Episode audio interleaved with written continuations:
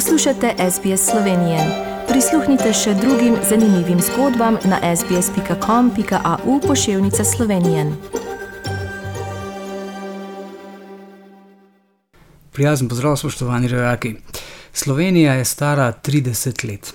Pol leta po prepričljivi plebiscitarni odločitvi, da gre Slovenija na samostojno pot, je bilo s prijetjem ključnih dokumentov o samosvajanju leta 1991 končano. 25. junija so potrdili, dan pozneje pa pred ljudmi razglasili samostojno in neodvisno Slovenijo.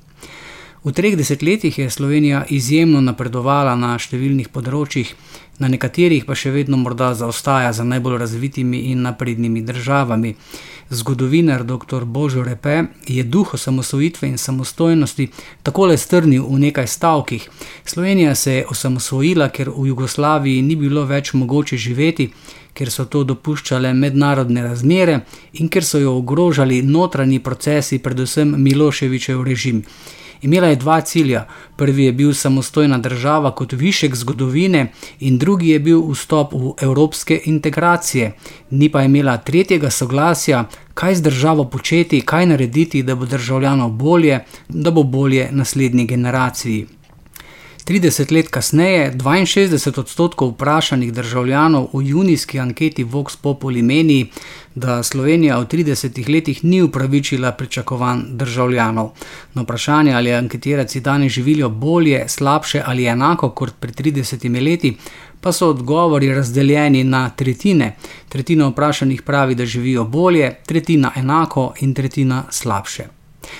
Ker vas večina dobro pozna politično ozadje, razmere, zgodbe in razvoj dogodkov od osamosvojitve do danes, poglejmo raje, kako se življenje v tem času spremenijo v številkah. S pomočjo statistike. Po podatkih Statističnega urada Slovenije je bilo konec leta 1991 prebivalcev Slovenije 1 998 912, na začetku leta 2021 pa 2 108 977 prebivalcev, kar je za približno en Maribor ali okrog 110 tisoč prebivalcev več, kot jih je bilo pred 30 leti. 2 milijona prebivalcev smo presedi, presegli sredi leta 2005. Poprečna starost prebivalstva se je zvišala za 7 let in pol, poprečna neto plača pa iz danes nepredstavljivih 47 evrov leta 1991 na 1278 evrov leta 2021 ali kar za 27 krat. Bruto družbeni proizvod pa se je v 30 letih realno povečal za 91 odstotkov, nominalno pa za dobrih 3000 odstotkov. Kot zanimivost, skupaj z vsemi državljani je v petek 25. junija 2021 30. osebni rojstni dan praznovalo 24.111 prebivalk in prebivalcev. Kljub poletnemu zatišju v zvezi z epidemijo koronavirusa, ko so se razmere neprimerno izboljšale zaradi vse večje precepljenosti prebivalstva, pa zgodba še zdaleč ni končana. Strokovnjake zdaj zelo skrbi tako imenovana delta oziroma indijska različica koronavirusa, ki se je izkazala za najbolj kužno in odporno. Cepivo samo pa ne zagotavlja, da se cepljeni in celo že preboleli s tem novim sevom virusa ne morejo okužiti še enkrat.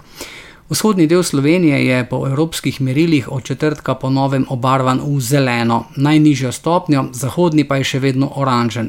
Pri nas so doslej našteli 18 primerov indijske različice virusa, ki pa niso povezani s potovanji, kar strokovnjake posebej skrbi. Zdaj, ko bo cepiv proti COVID-19 dovolj, je ključna težava, kako uporabiti vse vire, da se čepi čim večji odstotek prebivalstva.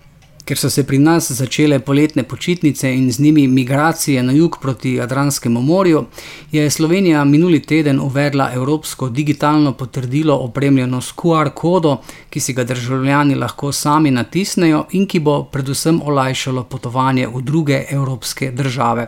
Toliko, da boste na tekočem, če nameravate del zime preživeti na toplejši strani planeta, boste morali biti cepljeni in to tudi dokazati. To so bile novice za danes. Ostanite zdravi in vse dobro do našega naslednjega slišanja za SBS ali Šlednik. Želite slišati sorodne zgodbe? Prisluhnite jim preko Apple ali Google podcasta, preko aplikacije Spotify ali kjerkoli drugje.